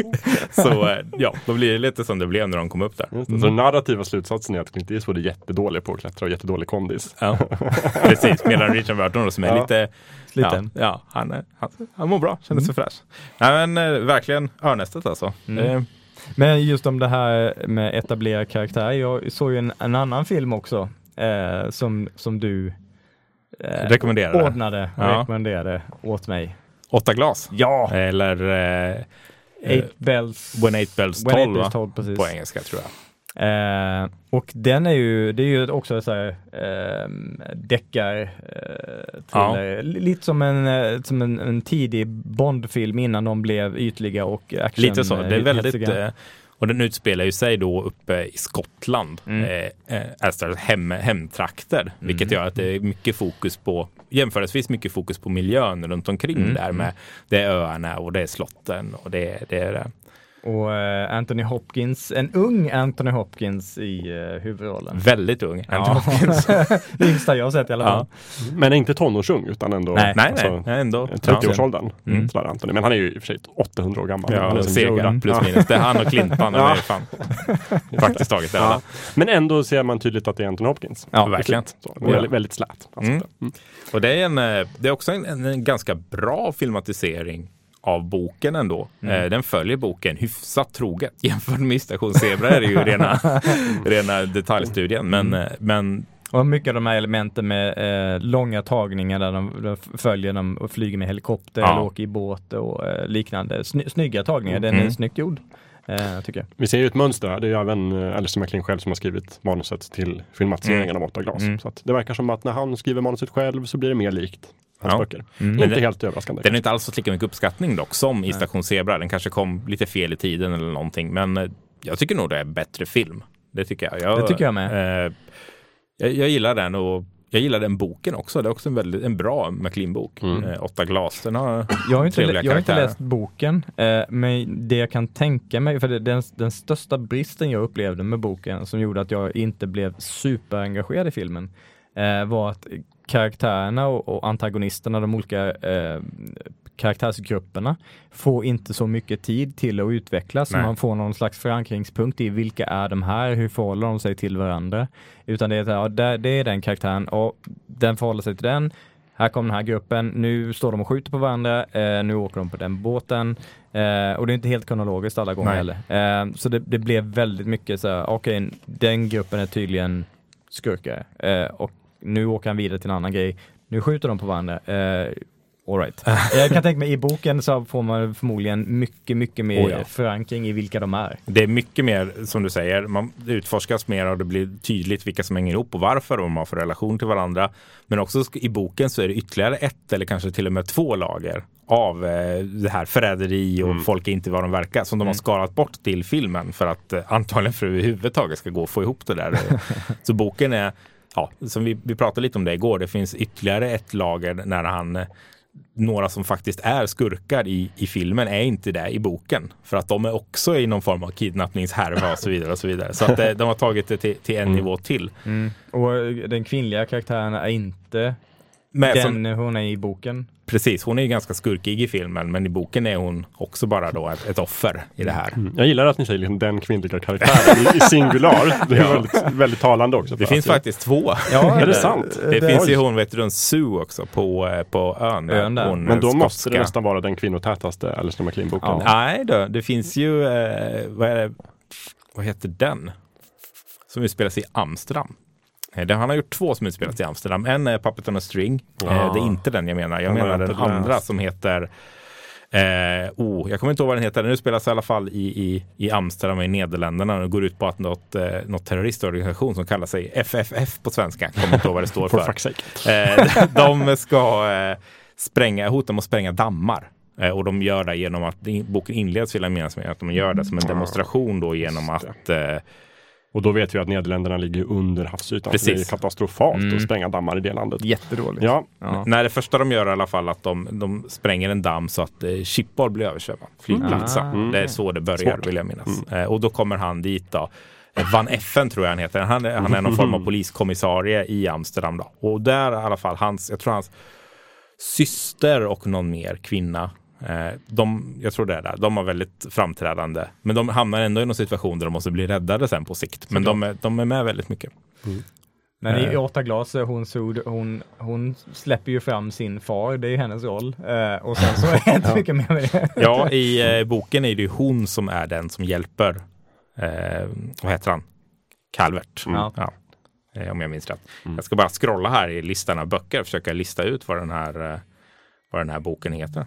Nej, det kan vara Floodgate faktiskt. Ja, det är det. Den heter eh, något annat på svenska. flodporten. Nej, så ser den ut. Där ser ni flygplanet där håller på att lyfta men vattnet kommer. aj, aj, aj. Just det. Eh, mm, så så ser det ut. Och jag, den hänger ihop på något sätt med Puppet on a Chain, men jag kommer inte ihåg exakt hur det, hur det är. Men eh, ja, det blev en litet eh, sidospår där. Men Ja. eh, McLean, så, att vi är fortfarande kvar i bubblan. Ja, Ehm, Nu kan vi gå två håll här. Jag tänkte, först kanske, vi har inte nämnt så mycket liksom kanonerna på Navarone ännu. Som Nej. är ändå, liksom, skulle jag säga, kanske den mest kända. Ja, det måste det åtminstone vara. filmen. Och det är ju också hans genombrottsroman, verkligen. Folk liksom, Åh, du, kanonerna på Navarone-killen. Tror jag säkert han blev kallad eh, på gatorna i Skottland Mm. ett, ett tag. Och, så, och han har skrivit en uppföljare också, Styrka 10 från Navarone, som Mm. jag har här framför mig. Som inte hänger ihop riktigt med boken. Nej. Nej. Precis. Roligt. Vad har ni någonting att säga om den? Det var ungefär tusen år sedan jag såg Samma filmen. faktiskt. Eh, Eh, det var nog bara något år sedan jag såg den faktiskt. Håller den? Den håller, eh, det gör den. Absolut. Den, den, den håller den mån att det är en klassiker. Mm. Eh, och återigen det här, ni vet, det, folk är inte vilka de verkar och de, för, de förråder varandra och folk som verkar väldigt misstänkta är inte de riktiga skurkarna Mm. och, och hela, hela kalaset. Så jag tycker absolut den håller. Mm. Eh, däremot så var det väldigt, väldigt länge sedan jag läste boken. Så jag har svårt att säga vad som skiljer sig där. Mm. Eh, Men jag vet däremot att Styrka 10 från Navarone, om jag minns rätt, är baserad på filmen. Eh, Ja, inte på boken. Mm. Medan filmen inte är riktigt likadan som boken. Så därför så läser man de böckerna efter varandra så blir det bara Men konstigt. det är lite så konstigt. Det är också, kän- känns som en 60-talsgrej. För det var samma sak med, med vi nämnde den förut, 2001. Mm. Att det är ju också en no- novell som eh, Arthur C. Clarke skrev. Och sen så gjorde han och Stanley Kubrick-filmen. Och sen skrev Arthur C. Clarke uppföljaren 2010. Som är, följer på filmen. Ja, just det. Inte på Nej, så det är novellen. lite förvirrande så här, bara det är andra planeter och det är lite andra karaktärer och bara vänta, den Mm. hänger ihop. Lurigt. Men det så går det när filmen blir populär. Ja. Mm. Nej, men jag, jag har svårt att komma ihåg eh, som sagt vad som skiljer från boken och så. Men jag tycker absolut eh, Kanonen på Navarone, men det, den, den, har- den är en klassiker. Den, bör man titta på. Och det finns mysiga karaktärer där. Jag saknar lite humorn i den som finns i de andra. Det är eh, när släpptes den? oklart. Jag kan inte. Vad- Kanon, kanonerna? Ja, Jakob Jag tittar kan i sin här eh, min data, dataenhet som han Mm. håller i. i Ja, för jag jag minns att jag, jag såg den, Nu skrev jag kanoterna på Navarone. det är nästa bok. Ja. För jag minns att jag såg den långt, långt, långt, långt, långt efter den slä- släpptes. Eh, för att den, den omtalas som en klassiker. Mm. Och då kommer jag ihåg att jag inte riktigt tyck, förstod exakt varför den var en klassiker. För den, den är bra men inte, inte så, så som den har blivit upphausad. Nej. Just för att det är en klassiker. Eh, så jag, den var bra men det var ingenting jag så här, direkt la på minnet. Örnästet däremot kommer jag ihåg att jag verkligen gillade när jag såg den första gången. Och Örnästet skulle jag ju lyfta högre. Ja. Jag med. Eh, romanen Kanonerna på Navarone är skriven 57, så den är Mm. ganska tidig. Mm. Och sen filmen är 61. Så den är också ganska tidig. Jag såg den kanske på 90-talet, så det, det var ett tag efter. Ja. Där finns det ju också, som vi var inne på tidigare, med två, en, en väldigt eh, framträdande kvinna och en kvinna som är skurk vill jag minnas i den eh, boken. Ja, Eller i filmen i alla fall. just det. Så det är två. Det är ju Ja. Och även Örnästet, det tog vi inte ens upp, har ju eh, två Mm. stycken, varav en kvinna är med väldigt mycket. Så spelade av, vad hette hon? Ingrid Pitt tror jag. Mm, just det. Det läste jag också något trivia att hon jag tyckte det var väldigt obehagligt att spela in den för hon var gammal eh, koncentrationslägeröverlevare. Så hon Aha. tyckte det var jobbigt är med, med inspelningsplatser när folk gick runt med hakkorsuniformer. Ja, det och förstår jag. Mm. Kan vara f- fake news, men jag läste detta. Också så här, tecken på tiden att eh, de, eh, de pratar om de här agenterna som, eh, som ska åka in och försöka plocka ut den här eh, så kallade eh, generalen. Mm. Eh, eller löjtnant eller vad han är. Eh, de kan ju prata flytande tyska Ja, just det. eh, och alla i filmen pratar engelska. Ja, just det. Ja, men med lite var- tysk brytning. Ja, ja, Ja, precis. ja. Men det var ju lite så på den tiden. Eh, amerikanska filmer, även om de skulle porträttera Mm. en, ett annat, eh, en annan nationalitet, pratar de alltid engelska. Ja, visst. Det gick inte att eh, dubba. Nej, nej, nej. Men precis. Så är det. Och så, då får man vara glad att de har, de har lite dialekt så som man ska höra. Att det här är tyska, det här är fransmän. Det är väl samma kanoner på Navarone när de är mm, det är väl grekiska. Eh, Mm. Alla pratar engelska med grekisk brytning, även när de pratar med varandra. Vill jag minnas. Ja, det är fascinerande. Eh, nu har vi dykt upp och ner lite i olika verk här liksom från hans karriär.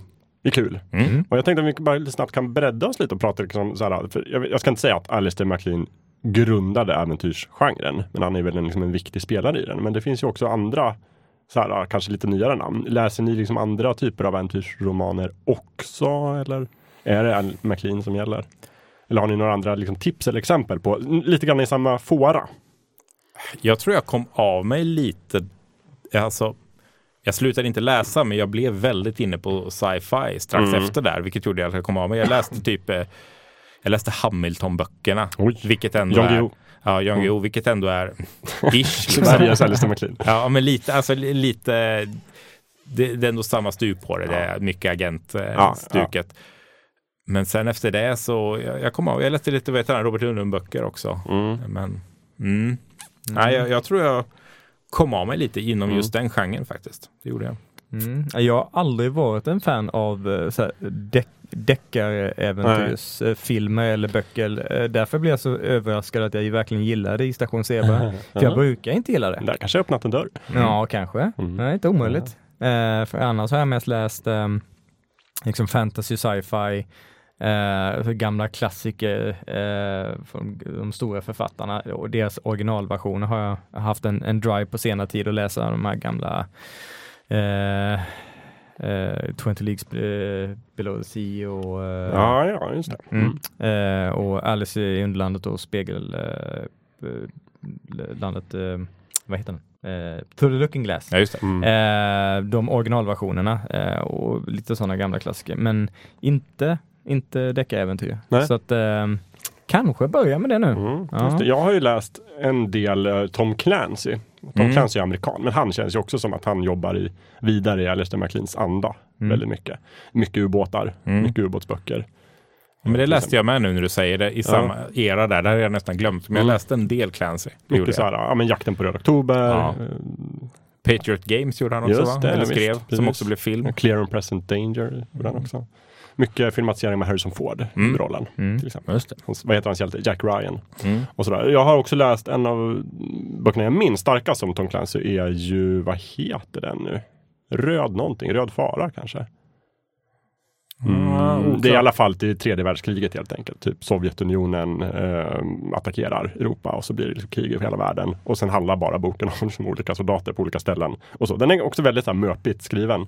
Men lite kul om man är intresserad av sånt. Typ som jag var på, på den tiden. Tycker den är ganska festlig. Mm. Och det är också så här i hela kriget. Festlig. Ja, men på sitt sätt alltså. Det är ju hemskt med krig, men någonstans lyckas han ändå så här. Det är lite coolt när de här missilerna skjuts iväg och titta häftigt och sådär. Utan att liksom, han går inte in så mycket detaljerat på liksom krigets fasor. Sådär, det gör man ju oftast inte om man skriver thrillers. Och så är också så här, i, i, hela kriget finns det en kvinna och, och hon är på Island. Där, och ja. naturligtvis blir Fina. hjälten liksom ihop med henne Ja, mitt under kriget på något sätt. Sådär. Ehm, men jag tänker också just mycket, det är inte så mycket moraliska gråzoner i de här böckerna. Det är det inte i McLeans heller, utan det är väldigt mycket så här. USA är de goda. Och, och, och båda, liksom det bästa man kan säga om en rysk militär är liksom att de är lojala och liksom de förstår så här, eh, liksom lojalitet. Och sådär, även om de kämpar på sin sida. Och sen så kan de ha någon sorts ömsesidig respekt för varandra för att liksom vi är båda dugliga män. Eh, men det är inte så mycket problematisering kanske av varken kalla kriget eller spioneriet. Sådär. Nej. Um, ja. Men eh, jag vet inte, har vi några liksom såhär, dels sista tips Mm. tänkte jag vi kan komma in på för klockan går. Och dels kanske försöka knyta ihop säcken och säga någonting så här avslutande. Var, varför gillar vi det här? Eh, är liksom någonting särskilt som tilltalar oss i det? Eller är det lite så här den liksom, tonårspojken i oss som av nostalgiska skäl hänger kvar vid det här? Eklöf talar ju emot det tänker Ja, jag. Ja, det är sant. Men, ja. ja, Mm. det är sant, det är sant. Jag är ingen tonårspojke längre. Nej, du är inte Du är det. inte, du är förbi den. Men återupplever du den tonårspojke du aldrig var? Nej, så kan man inte säga. Det var jättekonstigt. Jaha. Kom vi in på något helt annat. Ja. Eh, nej, men jag, jag skulle säga om, om man inte har läst Alistair MacLean så fi- finns det definitivt ett, ett, eh, ett stort värde i, inte bara liksom, berättelserna som är bra, väl skrivna, utan den här, de här, den här säregna berättarstilen som är lite gammal, som vi varit inne på, mm. som är rätt uppfriskande om man inte har läst den sortens böcker på väldigt länge. Mm. Eh, just s- språket och, och vad han fokuserar på och eh, så illustreringen av vad, vad, vad som pågår i, miljöerna och eh, bak, eh, liksom, de här eh, skumraskspelen som Mm, pågår. mm. Det, det, det beskrivs på ett väldigt tilltalande sätt så att jag tror att man behöver inte vara en fan av det för att kunna uppskatta eh, de här böckerna, vilket Mm. jag illustrerar för jag är inte fan av genren men Nej, jag det. gillar det Nej. ändå i Station Zebra Mm. väldigt mycket. Men skulle du läsa alla McLean-böcker? Det känns som att du har liksom fått. Jag skulle Nej. du kunna tänka dig en till kan vi börja Ja, där. precis. alltså. Jag skulle tänka mig flera till. Ja. Ja, okej, inte inte, inte Ja. alla, men flera till. Ja. Eh, Mm. Jag skulle bland annat vilja läsa Åtta glas eftersom filmen hade sån potential men den inte riktigt fick infrias. Mm. Då vill jag läsa boken för att se exakt vad den missar. Mm. Och om jag kommer uppskatta filmen mycket mer när jag vet, faktiskt vet hur alla karaktärer Farbror Arthur är en underbar karaktär även i boken kan jag hälsa. Ja. ja, han var väldigt skön Ja. i filmen. Just det. Nej, men jag är lite inne på samma som, som Eklöv här. Att är man ute efter det här. Men ganska lättsmält, fyndigt, inte superfokuslitteratur. Det är inte eh, Wheel of Time här, där det är liksom oändligt antal böcker och konstiga intriger försöka hålla i huvudet, utan det är, det är ganska rakt på sak. Och på slutet så blir varje bok så blir det ofta trevligt sammanfattat också. Om man har missat någon detalj av hjälten som bara, "Nej, men så här, ja, så kan man sitta där och skrocka lite, att det här var ju mysigt. Och det, det är väldigt trevlig slöläsning och det, det tror jag de flesta kan uppskatta just om man går in med den inställningen. Eh, Det är inte, det är inte Nobelprismaterial på Nej. de här böckerna, Eh, men det är väldigt stabilt skrivet. Ja, precis. Ja, jag kan bara hålla med. Jag tycker det är liksom typiskt bra semesterläsning. Så här, Mm. Har man en vecka i sommarstugan och ska ha något att läsa i hängmattan så kan man välja sämre böcker. Verkligen. Sådär. Mm. Men De, just där, de är inte tunga att läsa heller. de är inte tunga att läsa, men det är verkligen det är genrefiktion och det är liksom väldigt tidstypisk Mm. genrefiktion. Så man får liksom gå in med den inställningen och ta det för vad det är. Mm. Och sen det är som du säger, det är inte Nobelprislitteratur, men det ska man väl ändå inte läsa i hängmattan. Det ska man ju läsa inne på sin Fokuserat. kammare. Ja, Mm. I sin, sin, sin study. Ja, men precis. Läderfåtölj med Ja. konjak och så vidare. Just det, Och sen finkulturella salongen. Väldigt Ja. hög färgtemperatur så att det blir blått. Ja. Men, men det, det, jag vet inte, det är kul tycker jag någonstans Mm. ändå att läsa om, om av författare som är så uppenbart liksom inne i det de skriver om och tycker att det är coolt själv det de skriver om. Det tycker jag märks Mm. hela tiden Mm. att Alistair MacLean tycker det är häftigt med atomubåtar. Ja. Det- Men om ni, om ni skulle lista, om, utöver i Station Zebra, eh, några böcker som man ska börja med Mm. om man vill eh, förkovra sig i eh, Alice McLean. Mm. Vad, vad skulle ni rekommendera utöver just i Station Zebra? Men vi kan ta det som sista liksom, Mm. rundan sådär, ett eller två tips Mm. var kanske som, och att gå vidare. Jag har ju ett så här, som är Ja. som jag tar på en gång faktiskt. Som är ju det är min favorit Alistair MacLean-bok och vi har inte nämnt den överhuvudtaget ännu. Mhm. Och den heter Natt utan slut. Och utspelar sig också liksom i arktiska områden, nämligen på Grönland. Mhm. Den är lite tidigare, jag tror den är skriven 59 av Alistair. Och det är också den här, liksom, det är också en väldigt typisk Alistair MacLean roman. Mm. Det är spänning. Jag, det, jag tycker att det är ändå spänning nästan från första sidan till sista sidan. Och liksom först på sista sidan så liksom löses alla trådar upp. Mm. Och det är mycket så här, det är den här kylan som vi känner igen från Station Zebra. Det är livsfarligt på Grönland. Och det är liksom baracker och det är hemliga spioner. Det, det börjar med typ att här eh, huvudkaraktären jobbar på den här stationen.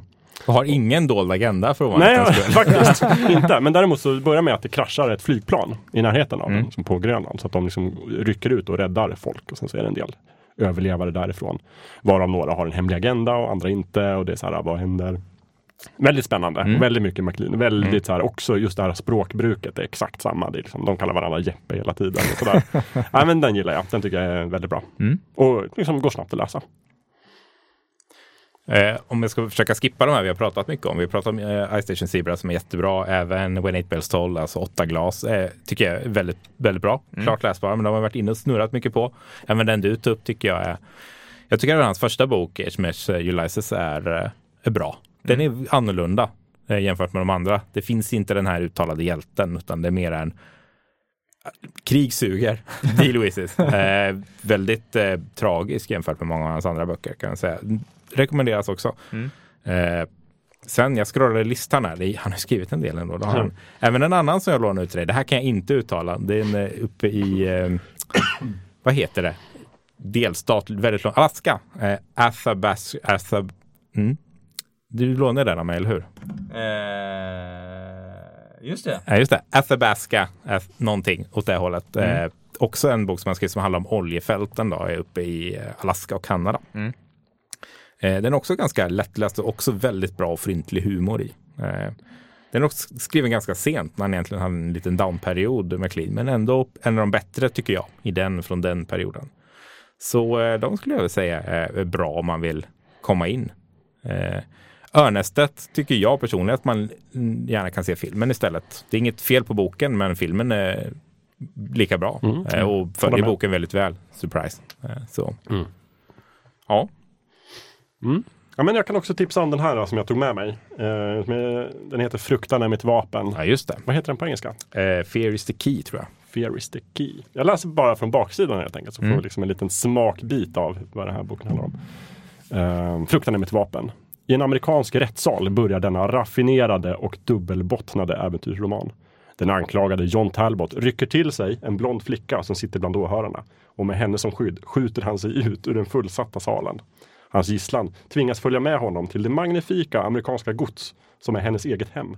Och därifrån till ett oljetorn mitt ute på Mexikanska golfen. Där också den stora demaskeringsfinalen äger rum. Demaskeringsfinal.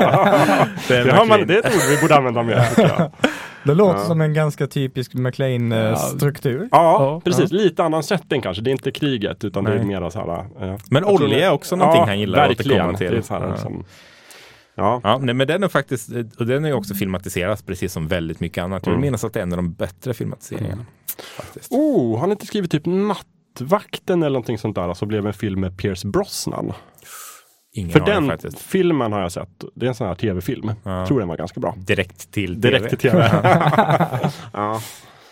Så det finns mycket att ta av. Han har även skrivit en som heter eh, Gyllene mötet. Oklart vad den heter på eh, engelska. Men den har också blivit en, en film vet jag. Utspelar sig på någon form av kryssningsfartyg. Också lite annorlunda setting från McLean. Men det finns en väldigt stark hjältekaraktär och så vidare. Tro det eller ej. Finns det några kvinnliga karaktärer? Eh, ja, som han hjälper och som hjälper honom lite och sådär. Men det är ofta lite kvinnans roll i de här böckerna. Om de finns så är det typ att hjälpa hjälten eller bli hjälpt av hjälten. Mm. Det är inte så mycket vara hjälten själv. Nej. Så det, då, då får man söka andra böcker om man är ute efter det. Mm. Inte vad McLean sysslar med. Liten produkt av sin tid. Ja, Lite, det det kan kan, jag tänka man mig. väl säga. Sådär. Mm. Så det var intressant hur en McLean-bok skulle se ut idag. När vi kanske har ändå en lite annan syn på, på det. Sådär. Mm. Han har nog inte blivit lika populär idag om den använder samma struktur. Nej. Men jag skulle kunna fantisera om att han skulle nog kunna skriva en, en, liksom en modern thriller. Det känns som att han hade liksom lite fingertoppskänsla av vad var det som gällde. Så där. Jag tror han absolut skulle ha skriva ganska bra böcker med kvinnliga hjältar. Mm. Mm. Spännande, men nu är han ju död så det blir inga fler. Nej, det blir inte McLean-böcker. Nej.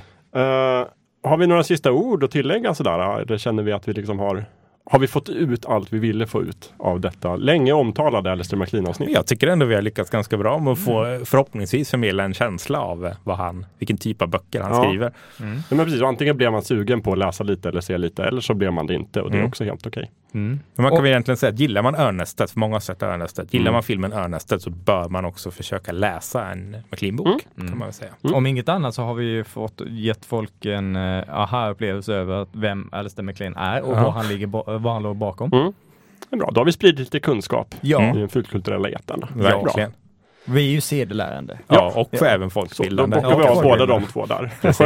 Och tycker ni också vi är sedelärande och folkbildande så kan ni ju gå in och berätta det för alla på iTunes till exempel. Ja. Ja, iTunes är bra. Där kan man göra både ge stjärnor och skriva recensioner. Gör gärna det, för då hamnar vi högt upp på topplistorna och sen så börjar folk upptäcka och se så här, bara fulkultur, Alistair McLean, vad är det här? Och så laddar de ner och så lyssnar de och så blir vi fler. Så blir Jakob känd på stan. Exakt, det är det jag vill. Eh, och sen så finns det diverse sociala medier man kan diskutera med oss också. Med. Vi har ett Instagramkonto som heter Fulkulturpodden, Twitterkonto Fulkulturpodden, eh, Facebook finns vi under Fulkulturpodden och eh, på Tumblr har vi länklista. Där man kan eh, klicka sig vidare till alla Alistair McLeans god Ja, precis. saker. Vi, vi ska försöka ta med allt vi har pratat om här. Mm. Och sådär. Vi kanske missar någon. Det kommer ju bli en försöker. lång litteraturlista känner jag den här gången. Det blir det, men det är kul. För det är det många läsare uppskattar också, att vi har länklista. Och ibland vissa avsnitt har vi inte så lång och då brukar vi få höra det. Så bara, var är länklistan? Ja. Så bara, det blev inte. Så. Men, men nu kommer det bli. Och den hittar vi på fulkulturpodden.tumblr.com. Så är det. Mm. Och sen så kan man gå in på Geeks olika hemsidor också. Vi har FZ och vi har 99 och vi har Svekrockers som vi driver. Där hade väl allt, möjligt. Hårdvara och sånt där. Spel. Där kan man ju Det är det. givetvis även gå in och ventilera sig om fulkultur. Ja, för Mm. det finns artiklar om varje avsnitt. Mm, man diskuterar där, men annars är Facebook bra att diskutera med. Sådär. Och man kan kontakta oss direkt också. Det blir vi glada och så svarar vi. Mm. Oftast. Det är oftast många som svarar. Någon, en läsare eller lyssnare skriver in till oss och sen så svarar både jag och Kalle och Emil liksom, varsitt svar. eh, Med olika åsikter. Ja, det. det. är bra. Så man kan föra en konversation med oss. Mm. Gör Kan gärna det. efterfråga avsnitt också. Precis. Mm. Eh, är det någonting ni önskar? Jag fick en liten halvönskan om att ha ett renodlat Transformers-avsnitt Mm. efter förra veckan när vi pratade om Judge Dredd och brittiska serier. mysigt. Eh, först fick jag lite med på. kritik för att jag hade en del faktafel. Och det har jag liksom ätit upp och sagt. Men det är så vet. faktiskt vi, vi jobbar i den här podden. Ja, nej men det var, jag hade inte hunnit skriva ner ordentligt där. Så jag, just om Simon Furmans, eh, just hans publicering där i Transformers UK. Lite fel, eh, lovar att bättra mig. Eh, jag vet bättre. Så att om vi ska ha ett renodlat Transformers-avsnitt så blir det om ett tag och då ska vi se till att få all research rätt. Ja. Så är det väl med det. Eh, Fulkultur är ju tillbaka redan om två veckor. Mm. Då blir det annat ämne. Det blir det. Och det, blir Jag säger nog, inte så. det blir nog inte med oss här kan jag tänka mig. Eller, jag kommer nog inte vara med och du kommer nog inte vara med. Nej, jag kommer inte vara med. Så det är väl möjligen herr Eklöf som dyker in, det vet Möjligtvis. jag inte. Oklart. Ja. Precis. Ja, jag vet inte när jag kommer tillbaka. Jag är ju föräldraledig nu, men jag, det vore kul att dyka in i Fulkultur ibland sådär. Men Det är lite samma då för mig. blir det en glad överraskning. Föräldraledig inom kort. Mm. Så, eh, men vi, vi kommer säkert eh, sticka in våra fula Ja. nunor här. Då. Eller så kan vi göra egna avsnitt bara du och jag. Ja, vi ska ju göra så Och mycket fanta- piratpublicera. Nej, vi har lösenordet i flödet så att Ja. bara kör. Men tack för det. Jättekul att ni ville prata gammal härlig thriller-litteratur med mig. Mm, väldigt kul. Ja. Men ni har det så bra och alla lyssnare, tack för att ni har lyssnat. Fortsätt lyssna. Ja. Ha det Ja, fint. Absolut. gott. Hej då. Hej, hej. Hej.